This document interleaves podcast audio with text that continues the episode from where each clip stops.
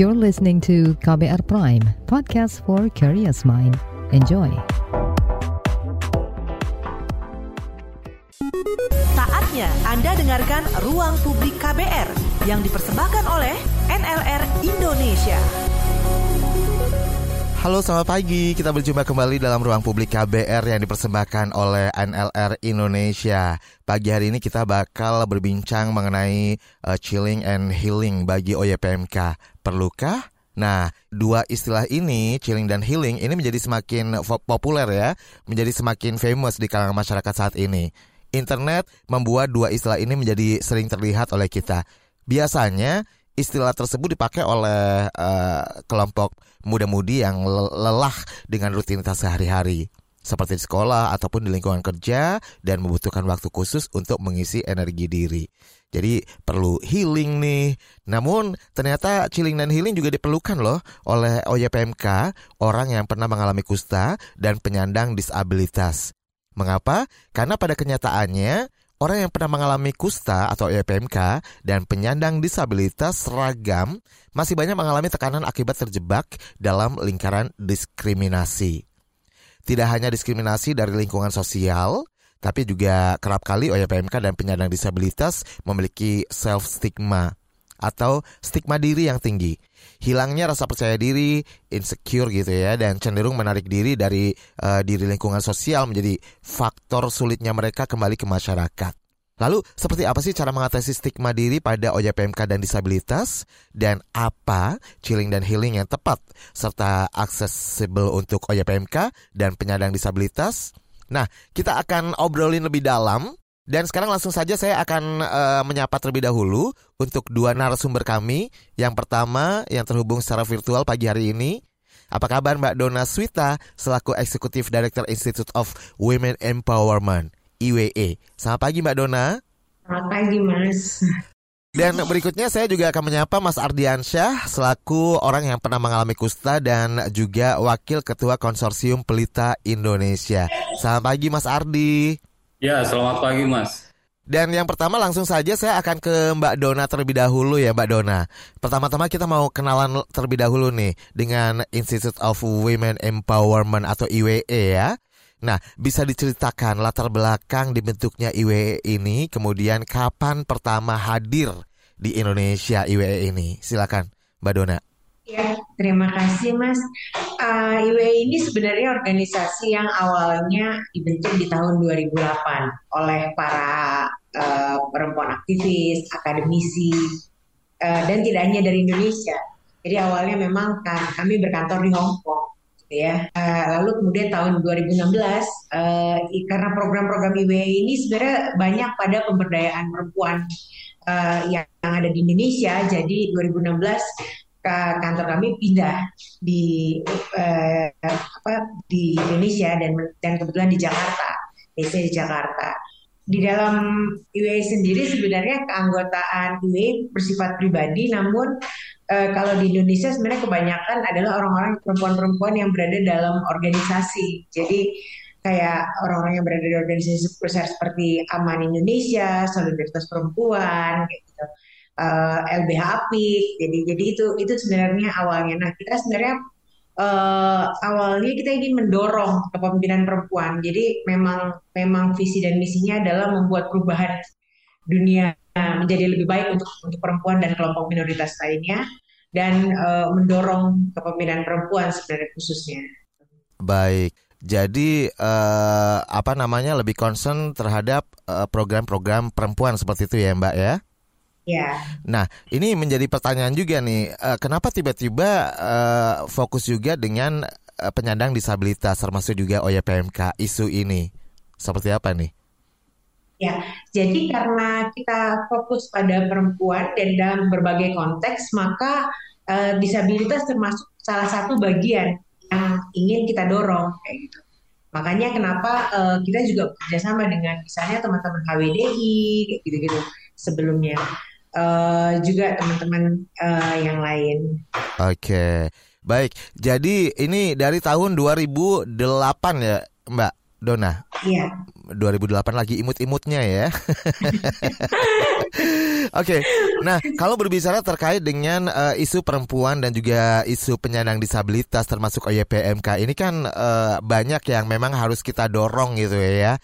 Nah, kira-kira program-program dari IWE sendiri itu apa saja sih Mbak terkait dengan uh, penyandang disabilitas khususnya dan juga termasuk OYPMK?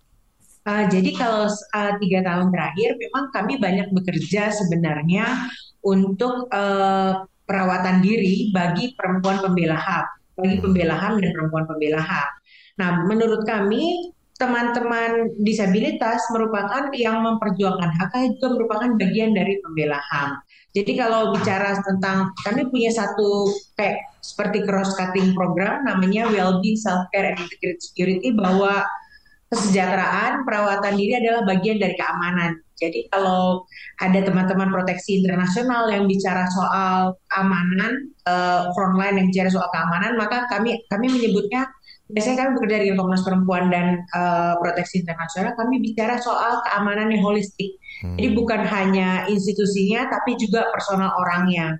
Bagaimana mental dan uh, apa uh, fisik fisikis dan mentalnya orang yang ada di dalam organisasi tersebut. Baik, jadi ini lebih secara general gitu ya Mbak ya, uh, bukan spesifik kepada misalnya uh, perempuan saja, tapi perempuan secara general termasuk perempuan penyandang disabilitas lah, perempuan OYPMK seperti itu ya Mbak ya?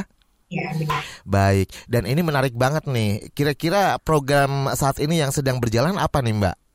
Kalau sekarang kami banyak bekerja memang dengan uh, Komnas Perempuan ya dan uh, proteksi internasional itu lebih banyak bicara masalah uh, perawatan diri bagi perempuan pembela HAM.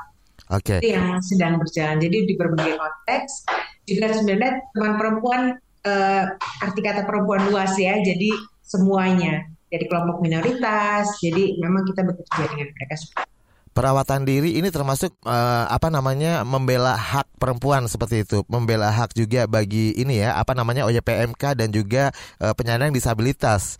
Karena kan OYPMK juga butuh perawatan diri, penyandang disabilitas juga ya kan. Nah, ini uh, siapa saja sih sebenarnya yang menjadi sasaran dari program IWE tersebut, Mbak? Kemudian daerah atau wilayah kerjanya di mana saja nih kalau boleh tahu? Uh, saat ini kami masih bekerja sebenarnya uh, uh, apa karena memang tiga tahun terakhir bisa online ya. Hmm. Sebenarnya kami bekerja di ikatan regional juga di Indonesia di Jakarta. Uh, tapi kami biasanya di Jakarta. Biasanya acara-acara yang kami kami hadiri juga seluruh Indonesia gitu. Jadi memang uh, sasarannya adalah teman-teman teman-teman perempuan, teman-teman pembela hak khususnya perempuan. Baiklah. Oke, sekarang saya berpindah ke Mas Ardiansyah terlebih dahulu. Mbak Dona tahan dulu ya Mbak Dona ya. Saya nanti akan gali lebih dalam lagi terkait dengan uh, eh, IWE ini. Nah, uh, Mas Ardi bisa diceritakan nih kalau Anda ini kan uh, sebagai OYPMK orang yang pernah mengalami kusta dan sekaligus wakil ketua konsorsium pelita Indonesia. Ini luar biasa banget loh. Bisa diceritakan uh, pengalaman Anda ketika mengalami uh, stigma diri yang ekstrim sampai pada akhirnya sekarang benar-benar uh, di posisi yang sudah apa namanya semua orang pasti bangga nih dengan Mas Ardi ya kan sebagai OYPMK lalu sebagai wakil ketua konsorsium pelita Indonesia. Nah ini seperti apa nih perjalanannya? Iya terima kasih Mas.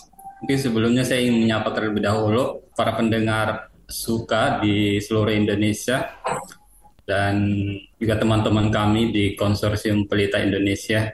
Uh, jadi terkait dengan pengalaman perjalanan uh, saya mengalami stigma diri itu, kalau mau diceritakan, sebenarnya awal saya berobat kusta itu saya uh, belum punya uh, stigma stigma diri. Saya berobat dengan enjoy enjoy karena waktu itu juga uh, saya merahasiakan bahwa saya sedang uh, pengobatan kusta waktu itu. Nanti ketika di akhir uh, pengobatan saya mengalami yang namanya reaksi sehingga uh, di situ mulai terbongkar dan saya harus terpaksa menceritakan kepada semua keluarga saya.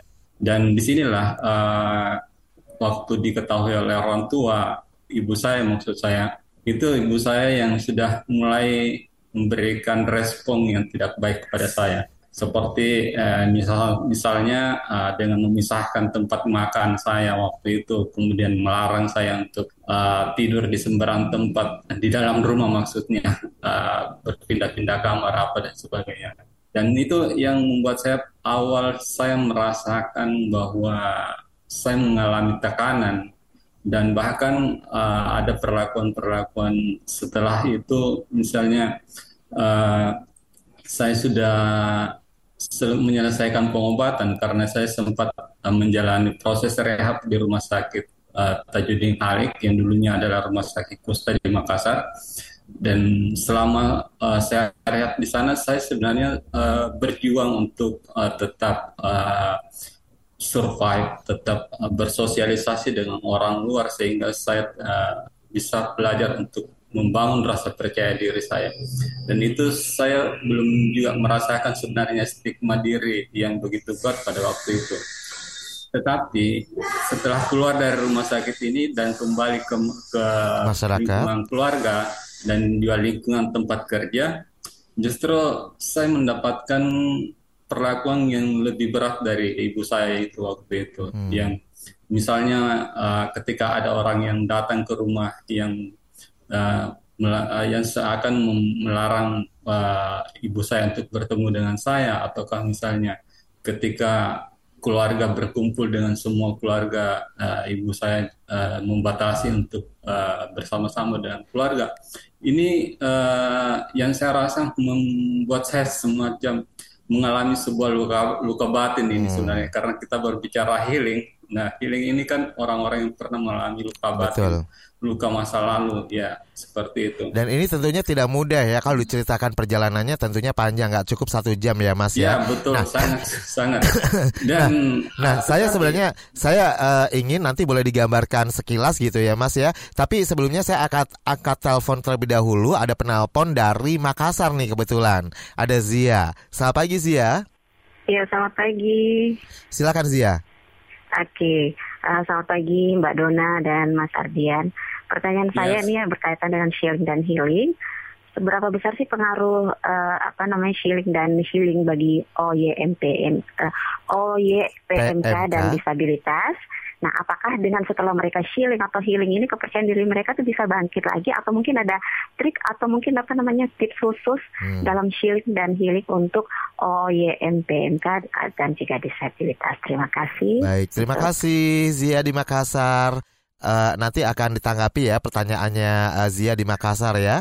Tapi tahan dulu Mas Ardiansyah dan juga Mbak Dona karena kita harus uh, ter jeda terlebih dahulu ya untuk iklan. Masih Anda dengarkan Ruang Publik KBR yang dipersembahkan oleh NLR Indonesia.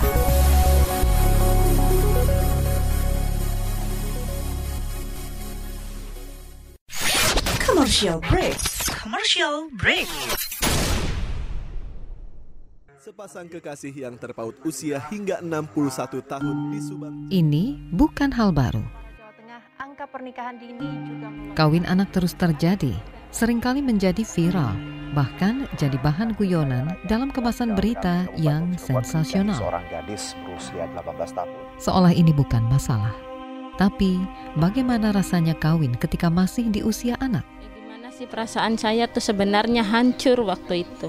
Hancur bisa naik sekolah Ya, pengen banget sekolah, lihat orang. Saya ajak kamu mendengar langsung suara mereka yang dikawinkan di usia anak ibu sama bapak tetap paksa untuk menikah, saya tidak bisa memenuhi impian bapak ibu. Saya Malika, ini adalah Disclose, serial podcast investigasi dari KBR.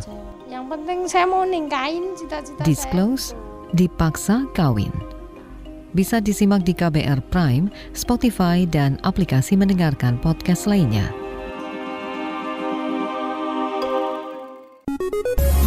Anda dengarkan Ruang Publik KBR yang dipersembahkan oleh NLR Indonesia. Masih bersama saya Rizal Wijaya di Ruang Publik KBR yang dipersembahkan oleh NLR Indonesia dan tema pagi hari ini adalah chilling healing bagi OYPMK perlukah? Uh, kalau tadi sebelum jeda sudah ada penelpon yang sudah bergabung ada Zia ya dari Makassar. Menanyakan seberapa besar sih pengaruh chilling dan healing bagi OYPMK dan disabilitas.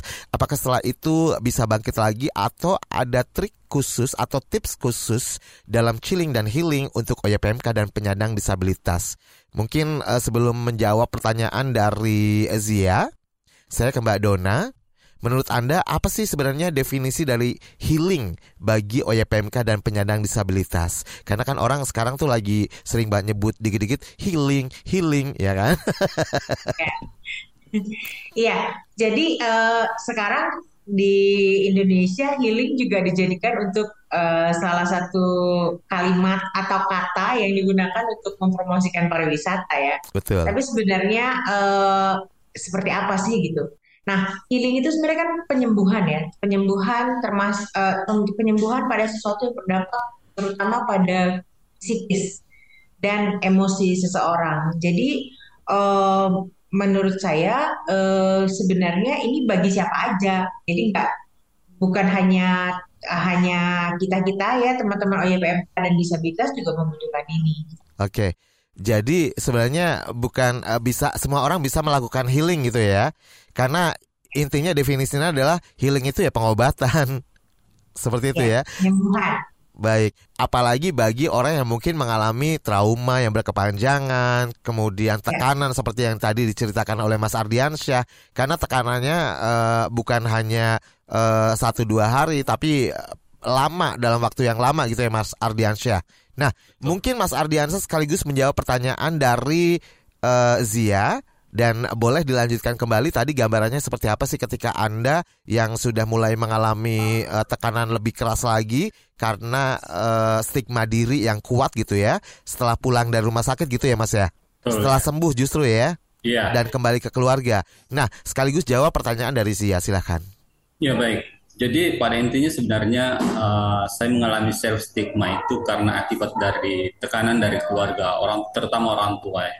dan uh, saya uh, mencari jalan bagaimana saya bisa bangkit dengan cara saya keluar dari uh, lingkaran keluarga dulu ini. Saya uh, bertemu dengan teman-teman organisasi di uh, organisasi Permata namanya dan apalagi kemudian uh, bermitra dengan NLR, NLR banyak memberikan uh, penguatan kapasitas kepada saya dan sehingga saya uh, di tahun 2018 saya fokus di uh, gerakan organisasi kusta dan disabilitas ini. Tetapi sebelumnya juga saya pernah bekerja di konsultan perencanaan uh, waktu itu. Ini sebelum saya uh, aktif di organisasi. Dan itu sebenarnya titik balik saya ketika saya bekerja di uh, konsultan perencanaan sama dengan teman sekolah saya waktu sama-sama sekolah di Makassar. Uh, di situlah saya belajar kembali untuk uh, bersosialisasi dengan orang-orang baru, hmm. uh, apalagi di lingkungan pekerjaan misalnya di lapangan. Kadang-kadang juga saya uh, mengawas di lapangan. Selama satu tahun saya bekerja di situ dan saya mulai uh, mengasah ataukah mengembalikan rasa percaya diri saya itu. Dan saya uh, selalu uh, fokuskan dengan diri saya bahwa uh, jika bukan uh, saya sendiri yang bisa yang akan mengubah uh, diri saya, maka saya tidak bisa bisa berubah. Dan saya sudah yakin bahwa walaupun ada tekanan dari, dari pihak keluarga, tetapi saya tidak akan berhenti di situ. Hmm. Saya harus tetap melangkah ke depan seperti itu. Dan apa pun yang uh, yang dilakukan oleh orang tua saya, terutama itu, bahkan saya juga mulai pelan-pelan memberikan uh, nasihat dengan dia untuk tidak memperlakukan saya seperti itu jika uh, masih ingin uh, melihat saya, uh, misalnya sampai hari ini. Nah, di situlah uh, kemudian saya uh, mulai pelan-pelan keluar dari stigma diri saya dan, dan alhamdulillah sampai saat ini justru saya merasakan kembali menjadi seorang manusia yang boleh saya katakan seperti itu karena dukungan dari teman-teman, dukungan dari uh, jaringan teman jaringan uh, misalnya seperti itu. Nah, kalau mau menjawab terkait dengan uh, pertanyaan dari Mbak Sia. tadi, ya betul Mbak Sia.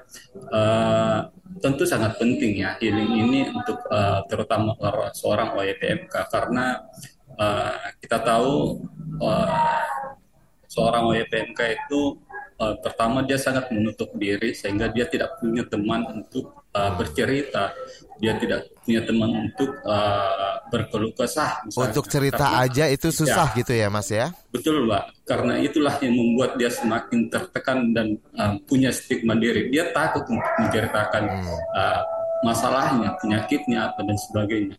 Dan saya kira itulah terapi yang mungkin harus diberikan kepada seorang PMK. Bagaimana dia untuk punya teman untuk bercerita, yang mau mendengarkan ceritanya dia, kemudian yang mau mendengarkan uh, rasa uh, perasaannya seperti apa, kemudian seperti itu. Dia bisa mulai merasa ringan, apalagi dia akan mulai merasakan bahwa wah ternyata ada yang mau mendengarkan saya, ada yang mau men menemani saya, atau ada yang mensupport saya seperti itu, sehingga dia merasa bahwa saya tidak sendiri, walaupun misalnya seperti saya uh, keluarga sendiri yang tidak mendukung, tetapi ada di luar daripada keluarga yang bisa memberikan dan dukungan seperti itu. Nah, tidak semua uh, eh, OYPMK atau penyandang disabilitas ya kan, atau siapa pun yang mengalami uh, tekanan gitu bisa keluar atau bisa uh, melakukan hal yang sama seperti Mas Ardiansyah ya kan. Mungkin ada tips atau strategi kuncian gitu ya yang bisa dilakukan oleh setiap orang sehingga orang bisa keluar bisa come out ke uh, ke masyarakat gitu ke orang-orang sekitarnya Kira-kira apa nih? Ya, kalau mungkin ya, menurut saya tipsnya sih yang pertama kita uh, harus percaya dulu dengan Tuhan, lah bahwa apa yang uh, kita alami ini karena sesuai dengan rencana Tuhan. Kita tidak tahu bahwa apa yang direncanakan Tuhan. Jadi artinya kita uh, harus menerima sebenarnya yang pertama proses penerimaan hmm. dan kemudian kita harus tetap berpikir positif ke depan. Kita ingin uh, mau berubah atau tidak ini ini kembali kepada diri kita dulu sebenarnya. Okay. Nah itu kemudian uh, ya kita harus tetap melanjutkan hidup kita seperti itu menurut saya. Baik, jadi semua keputusan itu sebenarnya ada di diri sendiri ya Mas Ardiansyah ya. Itu yang utama Mas. Uh, itu yang utama. Sehingga orang-orang sekitarnya uh, bisa menjadi support system yang baik buat kita itu diawali dari kita sendiri seperti itu ya kira-kira ya. Oke, okay, uh, Mas Ardiansyah dan juga Mbak Dona ada juga penelpon yang sudah terhubung. Salah satunya dari uh, Bogor ada Mas Ramzi. Selamat pagi Mas Ramzi. Selamat pagi. Silakan Ramzi. Uh, Pak Ramzi di Cilengsi Bogor. Baik Pak Ramzi silakan langsung saja. Iya. Uh, saya salut sama Pak Ardiansyah. Ya, selamat pagi. Saya saya salut sama Pak Ardiansyah apa Riansa ini sungguh sehat sekali ya saya lihat ya, Alhamdulillah. PMK. Oke, pertanyaannya silakan. Ya, pertanyaan saya, kalau uh, healing ini bisa bisa bisa saja memanfaatkan teknologi uh, supaya mereka itu tidak tertinggal. Uh, apakah upaya-upaya upaya-upaya yang perlu di dibenahi supaya uh, mereka ini OYPMK bisa uh, beradaptasi dan luka batinnya bisa sembuh dan bisa beradaptasi kembali kepada masyarakat dan bisa tidak gaptek soal internet dan uh, teknologi. Terima kasih. Baik, terima kasih uh, Pak Ramzi di Bogor, Cilengsi ya. Luar biasa pertanyaannya dan memang uh, sekarang di era serba canggih, serba teknologi gitu ya. Kita bisa mungkin uh, memakai uh, kecanggihan teknologi itu untuk mendukung proses untuk pemulihan atau healing bagi kita ya nggak sih? Nah, mungkin dari Mbak Dona nih dari IWE ada nggak sih metode pemulihan dan peningkatan penyadaran diri serta penerimaan diri bagi penyandang disabilitas dan OJPMK yang dilakukan oleh WE? Seperti apa nih? Ya, sebenarnya uh, di dalam IWI sendiri kalau kita bicara tentang pemulihan ya, healing atau perawatan diri, itu kita menyangkut sebenarnya ada lima dimensi penting yang kita lihat. Pertama misalnya dimensi fisik. Biasanya kalau kita bicara dimensi fisik, ini kita bicara kalau orang kalau orang uh, kurang istirahat gitu ya. Karena dia punya stigma punya dia nggak bisa tidur dan sebagainya ini pasti akan akan berdampak pada dimensi fisik. Hmm. kemudian ada pada dimensi uh, psikis. Nah psikis ini nih yang bisa dibilang stres kan karena banyak stigma tadi gitu, -gitu ya. Nah ini nih yang harus di di, di, dibenahi. Jadi kan sebenarnya ada lima dimensi ini, uh, dimensi fisik, uh, psikis, uh, mental, kemudian relasi. Nah relasi ini bicara relasi antara dia dan keluarga, dia dan teman orang di sekitarnya, dia dan lingkungan lingkungan gitu kan, di dia dan Tuhan itu ada di dimensi relasi. Ke, terakhir dimensi spiritual. Ini uh, dimensi yang kita bicara tentang nggak nggak melulu sebenarnya dimensi spiritual bicara soal agama gitu ya. Nah, di ada ada lima dimensi ini yang harus dilihat jadi nanti dapat dilihat sebenarnya dari dari orang-orang ini sebenarnya dimensi mana sih yang paling harus uh, paling butuh untuk segera. Nah, namun di semua keterikatan dimensi ini ada satu yang yang paling penting sebenarnya informasi kan. Hmm. Pengetahuan atau informasi. Nah, kebanyakan kita itu banyak sekali tidak mendapatkan informasi yang benar kalau dikaitkan dengan teknologi, misalnya sekarang banyak sekali misalnya informasi-informasi itu kalau mau dilihat di Google, di YouTube itu sangat mudah didapatkan. Betul. Nah, namun itu itu jarang digunakan orang. Biasanya orang kemudian hanya menggunakan uh, ketika punya teknologi hanya hanya di medsos saja kan, ah. tapi tidak mencari informasinya. Nah, ini yang penting. Okay. Kadang-kadang orang di sekitar kita tidak mendapatkan informasi itu dengan baik. Nah, itu yang harus uh, dilakukan oleh kita saat ini. Baik, ini uh, salah satu bentuk dari edukasi juga ya, meningkatkan literasi di masyarakat juga. Ini salah satunya jangan malas membaca mungkin ya. Iya.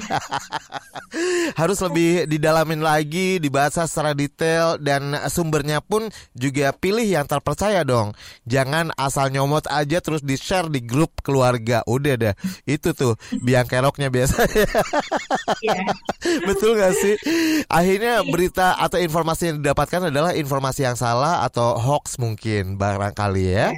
Yeah. Baik, kita tahan dulu. Nanti kita akan lanjut kembali dan saya juga nanti minta tanggapan dari Mas Ardiansyah yang mungkin sudah menjalani sendiri proses healingnya ya kan Mas Ardiansyah boleh dibagikan kepada teman-teman terutama kepada Pak Ramzi di Cilengsi Bogor. Jangan ke mana-mana, kita akan kembali setelah jeda iklan berikut ini.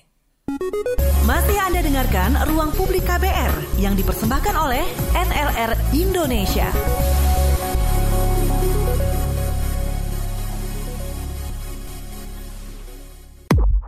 Anda tengah mendengarkan KBR, radio berjaringan yang berpredikat terverifikasi oleh Dewan Pers. Masih Anda dengarkan Ruang Publik KBR yang dipersembahkan oleh NLR Indonesia. Sudah setengah perjalanan ya pagi hari ini di ruang publik KBR bersama saya Rizal Wijaya dan uh, eh, NLR Indonesia ini juga melakukan rangkaian talk show ini dari tahun lalu gitu ya. Dan kita bahkan hadir ke wilayah-wilayah yang memang untuk mengedukasi, mensosialisasikan terkait uh, kusta dan konsekuensinya. Baik, dan pagi hari ini kita mengambil tema chilling healing bagi OYPMK. Perlukah Nah, saya juga tidak sendirian, masih bersama Mbak Dona Swita dari IWE, kemudian Mas Ardiansyah uh, selaku orang yang pernah mengalami kusta dan sekaligus wakil ketua konsorsium Pelita Indonesia. Sebelum tadi jeda ada pertanyaan juga dari Pak Ramzi ya di Bogor. Kemudian saya sebelum uh, meminta Mas Ardiansyah untuk menanggapi pertanyaan Pak Ramzi, saya akan bacakan dulu pertanyaan melalui YouTube channel berita KBR melalui live chat ya. Ada Ayah Ugi Parenting Sugianto dari Jember. Uh, Kak Dona, untuk IWE sendiri program yang benar-benar fokus kepada OYPMK ada nggak sih Kak? Kemudian bagaimana upaya pelibatan masyarakat untuk bisa bersama IWE menjangkau OYPMK? Nah, mungkin sebelum menjawab pertanyaan dari uh, YouTube ya, untuk Kak Dona, manggilnya Kak Dona. Untung bukan Kak Aroma ya. Baik, uh, saya ke Mas Ardiansyah terlebih dahulu. Mas Ardiansyah boleh tanggapin uh, mungkin pertanyaan dari uh, Pak Reza Ramzi di Bogor. Oke. Okay. Supaya tidak yeah. ketinggalan zaman, healing itu bisa uh, dilakukan dengan teknologi zaman sekarang nih. Banyak banget pilihannya. Nah, kira-kira apa nih yang mau ditanggapi silakan. Ya, betul juga sih. Uh, terkait dengan healing ini uh, bisa dilakukan dengan uh, saja termasuk teknologi akan tetapi kalau kita melihat uh, sasaran untuk OYPMK ini orang yang pernah mengalami kusta itu kan uh, kita uh, berbeda-beda nih SDM-nya kita. Hmm. Uh, bahkan kebanyakan OYPMK ini mereka itu SDM-nya sangat rendah ataukah memang tingkat pendidikannya uh, ya mungkin maksimal SMA seperti itu. Sehingga ini juga berpengaruh dengan uh, gapteknya hadiah dengan teknologi seperti itu. Tetapi uh, bukan uh, hanya itu saja sih menurut saya untuk uh, kita mau healing lewat teknologi seperti itu. Ada banyak ca macam macam cara sebenarnya. Uh, kalau enggak, kalau saya salah mungkin uh, Mbak Dona bisa koreksi nih. Menulis menulis itu tentang diri kita saja itu mungkin uh, menurut saya sebuah proses healing juga sih. Hmm. Supaya kita bisa menceritakan uh, uh, perasaan kita seperti itu.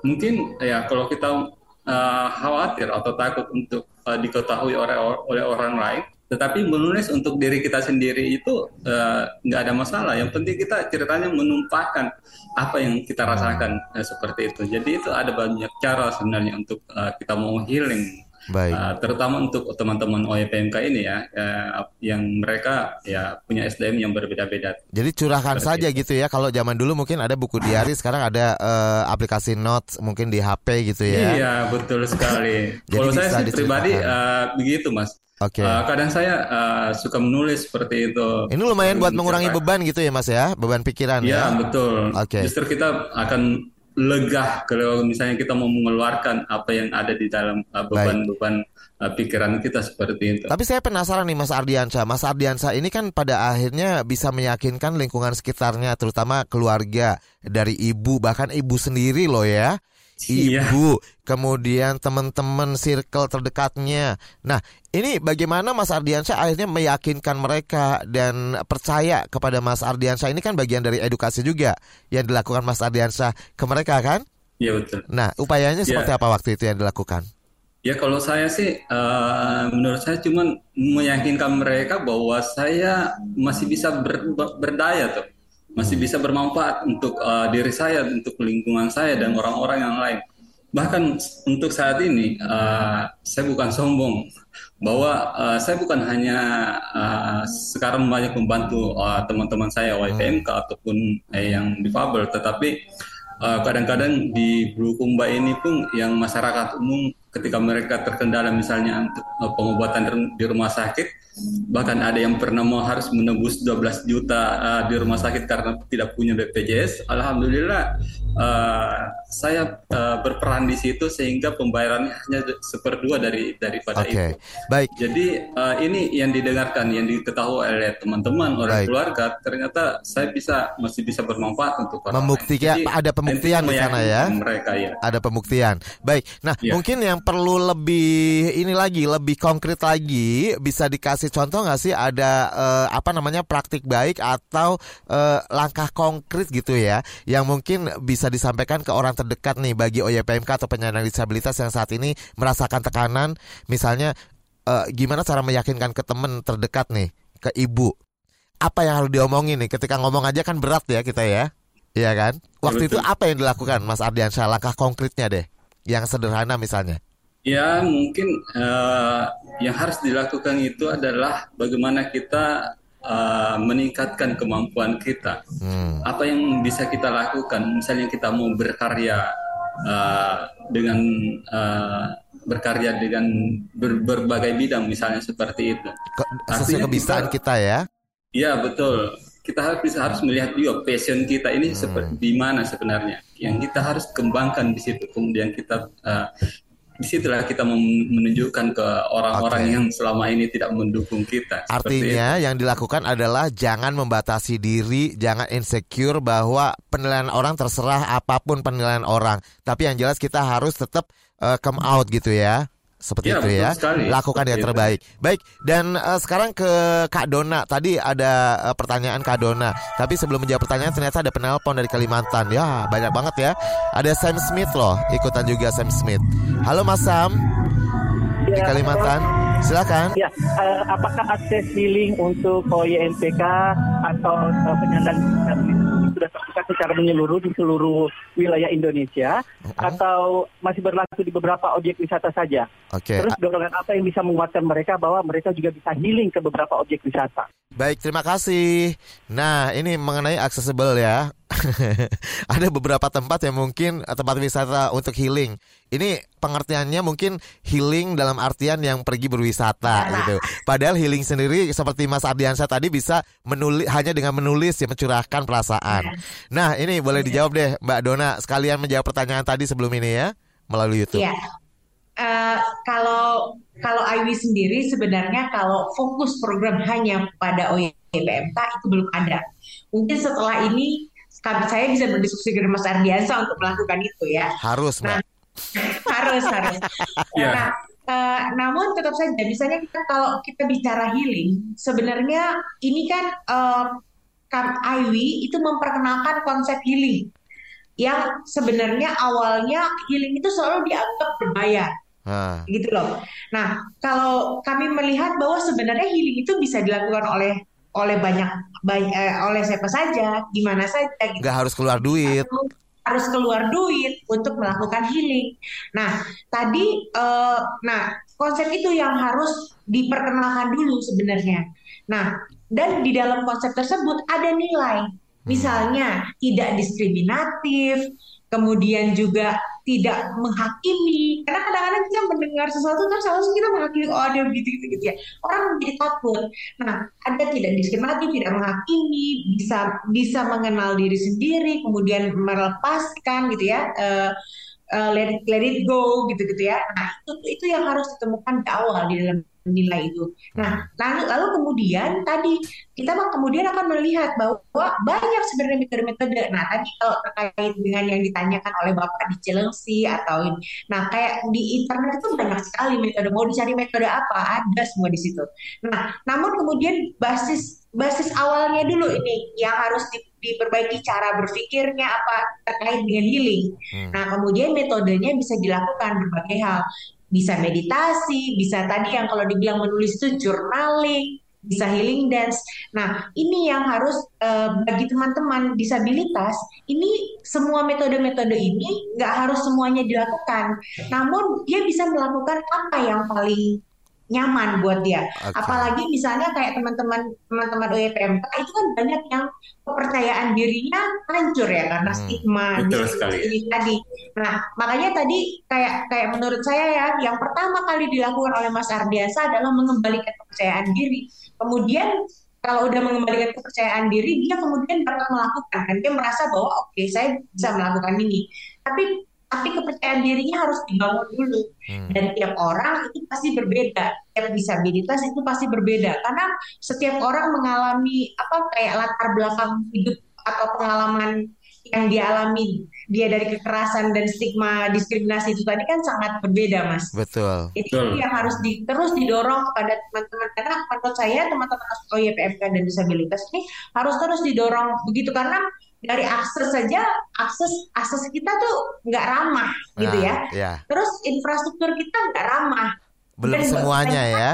Belum semuanya. Kalau sekarang udah mulai nih diperbaiki satu persatu kan. Kalau kalau kalau kemarin itu kan tidak ramah sehingga orang-orang yang bisa mendapatkan akses itu adalah orang-orang yang terus terang teman-teman dari menengah atas Betul. karena dia punya uang untuk ini bagaimana dengan teman-teman yang lain? Nah ini nih yang kita harus pahami. Nah sekarang kan banyak program-program yang inklusif gitu ya. Nah kita perlu juga sebenarnya memonitoring dan melihat benarkah itu inklusif. Jadi kan pasti ada masih ada kurang, masih harus didorong. Itu harus terus kita kita Baik. ini serukan menurut saya. Ya, kita sama-sama saling mengingatkan kepada pihak-pihak yang berkompeten ya untuk aksesibilitas ini ya. Jangan ke mana-mana, saya akan jeda terlebih dahulu. Masih Anda dengarkan Ruang Publik KBR yang dipersembahkan oleh NLR Indonesia.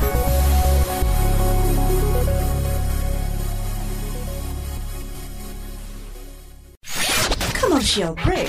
Commercial break. Transfer ke sini udah, bayar ini juga udah. Ke gue udah. Hih, pertumbuhan ekonomi tuh lagi melambat, persis kayak tabungan gue.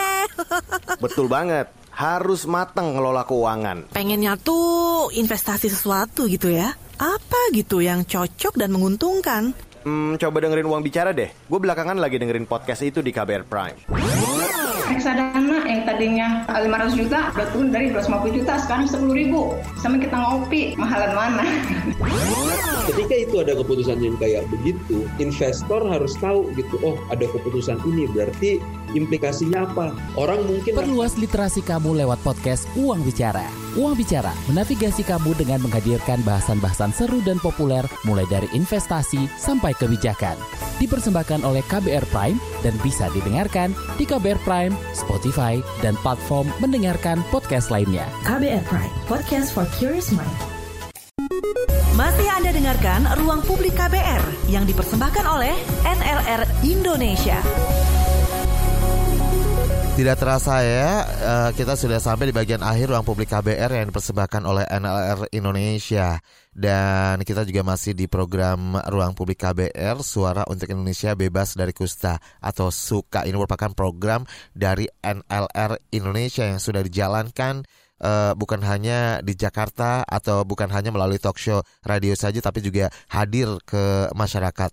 Baik, dan tema kita pagi hari ini adalah chilling healing bagi OYPMK. Perlukah? Nah, tadi sebenarnya sudah dijelaskan bahwa healing yang mungkin selama ini uh, sering nongol di TikTok, di Instagram gitu ya. Orang taunya healing tuh kayak yang vi, uh, ada videonya potongan-potongan perjalanan ke tempat-tempat yang indah gitu ya, yang kayaknya mahal, yang harus keluar biaya banyak, tapi ternyata Faktanya healing ini bisa dilakukan tanpa harus mengeluarkan biaya. Salah satunya adalah menulis seperti Mas Ardiansyah tadi. Dan juga ada beberapa uh, metode yang bisa dilakukan dan bisa kita pilih sesuai dengan passion kita, sesuai dengan kemampuan kita. Seperti itu ya Mbak Dona ya. Oke, nah kali ini saya akan bacakan juga pertanyaan dari catatan Asa dari YouTube. Wanika di Medan sampai sekarang masih sangat banyak diskriminasi yang dialami oleh OYPMK dan disabilitas. Bagaimana seharusnya ruang terbuka yang bisa mewadahi golongan ini. Nah, sebenarnya kalau dari IW atau IWE sendiri, bagaimana melihat uh, ruang terbuka yang disediakan saat ini oleh pemerintah misalnya? Ya, uh, kalau kita lihat sebenarnya uh, ada beberapa ruang terbuka yang sudah mulai dibuka. Hmm. Namun kemudian uh, apa yang tadi dibilang itu inklusifnya itu belum belum berjalan dengan baik. Itu yang masih harus terus karena ini yang yang informasi-informasi atau kampanye-kampanye yang mudah gitu ya untuk dipahami oleh oleh masyarakat luas itu masih harus terus menurut saya masih harus terus banyak dilakukan.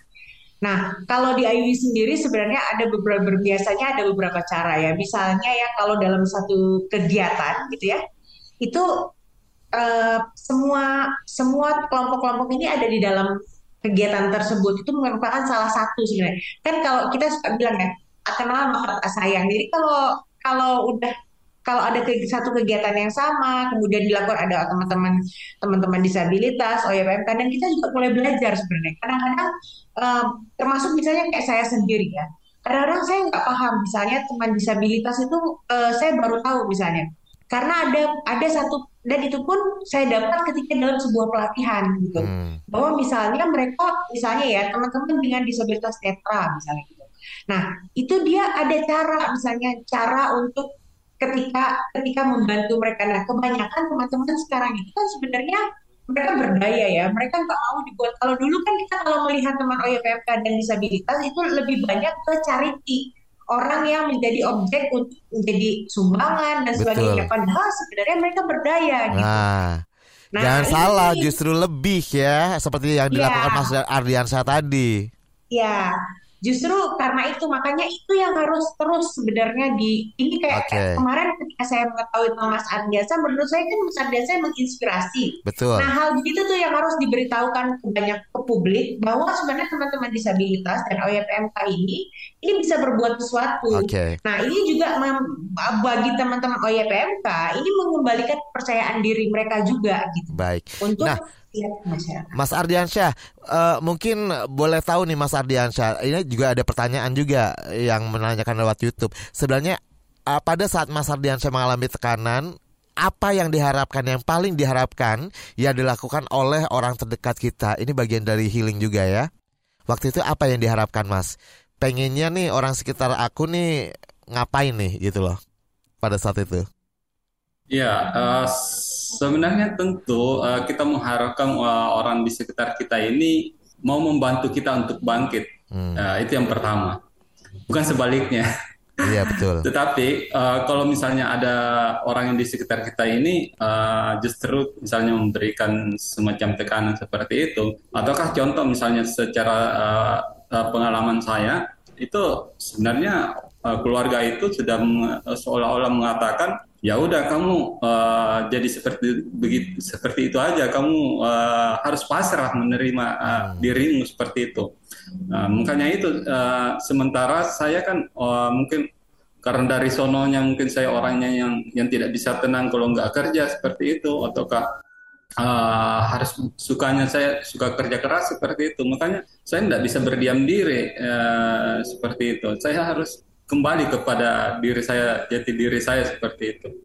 Jadi ya yang paling utama diharapkan dari orang di sekitar kita itu uh, mau untuk membantu kita uh, untuk bangkit dan mengerti apa kebutuhan kita dan uh, dia yang uh, memberikan support dan mengarahkan kita untuk bisa betul-betul uh, uh, pulih uh, seperti semula. Oke, okay. nah Mas Ardiansyah sekarang uh, sudah boleh dibilang survive gitu ya OYPMK yang akhirnya bisa uh, membuktikan diri bahwa lebih berdaya loh bahkan loh dari ya kan? Daripada yang bukan OYPMK atau non disabilitas ya nggak Mbak Mbak Dona? Karena dari dari banyaknya komentar yang masuk ke YouTube juga salah satunya salah banyaknya adalah memberikan pujian kepada Mas Ardiansyah. Apresiasi yang sangat tinggi nih.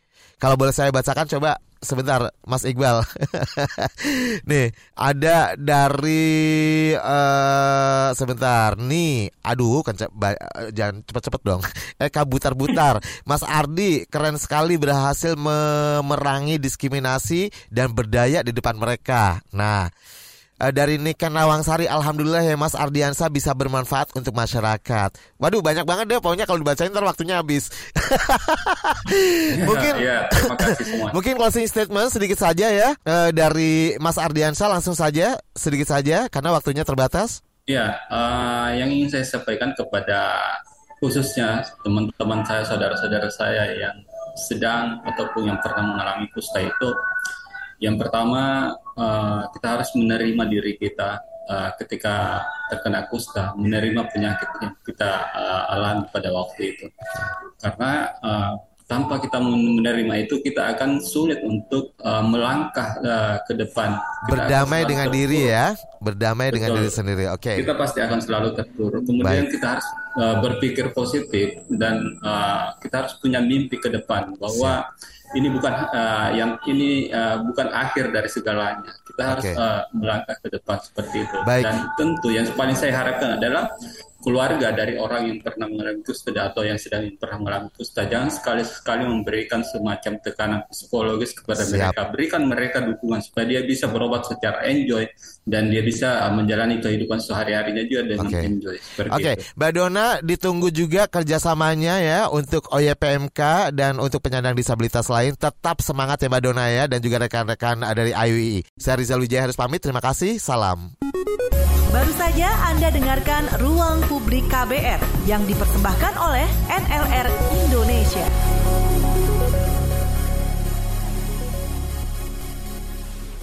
KBR Prime, cara asik mendengar berita. KBR Prime, podcast for curious mind.